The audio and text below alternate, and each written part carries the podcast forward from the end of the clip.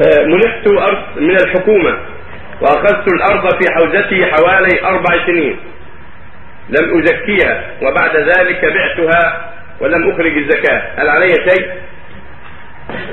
إذا منح الإنسان أرضا من الحكومة أو الحكومة وحازها أو اشتراها من زيد أو عمر وحازها فهو بين أمرين.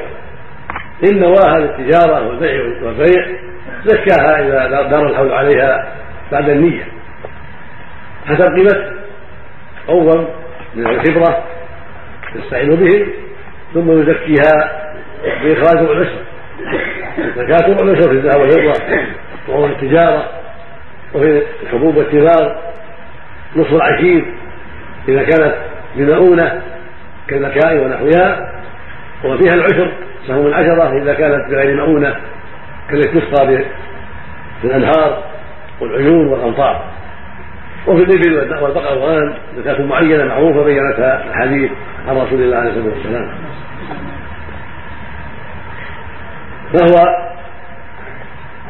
ينظر في ما لديه من الأراضي وغير الأراضي فإذا كان أراد بها الزكاة أراد بها التجارة والبيع زكاها إذا دار حولها على حسب قيمتها.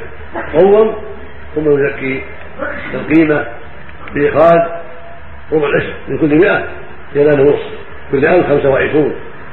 ربع العشير في الذهب والفضة وهذه الأوراق المعروفة المستعملة الآن. وعروض التجارة من الأراضي والسيارات وغيرها مما يراد به البيع والشراء. يقوم إذا كان عروضا فإذا قومه أخرج زكاة قيمة حسب ما تبلغ الأرض أو السيارة أو كذا حين حين تمام الحول حين تمام الحول الحال الثاني يكون ما أراد بها البيع. إنما أراد بها أن يبني عليها مسكن أو يبني عليها بيوت للأحجار أو دكاكين أو يجعلها مزرعة. هذه ما فيها زكاة. ليس فيها زكاة لأن ما أراد بيعها. لكن إذا أجرها أو عمرها بيوتا أو دكاكين وأجرها يزكي الإيجار يزكي الأجرة يزكي الأجرة إذا حال عليها الحول كما يزكي الأموال التي عندها أخرى.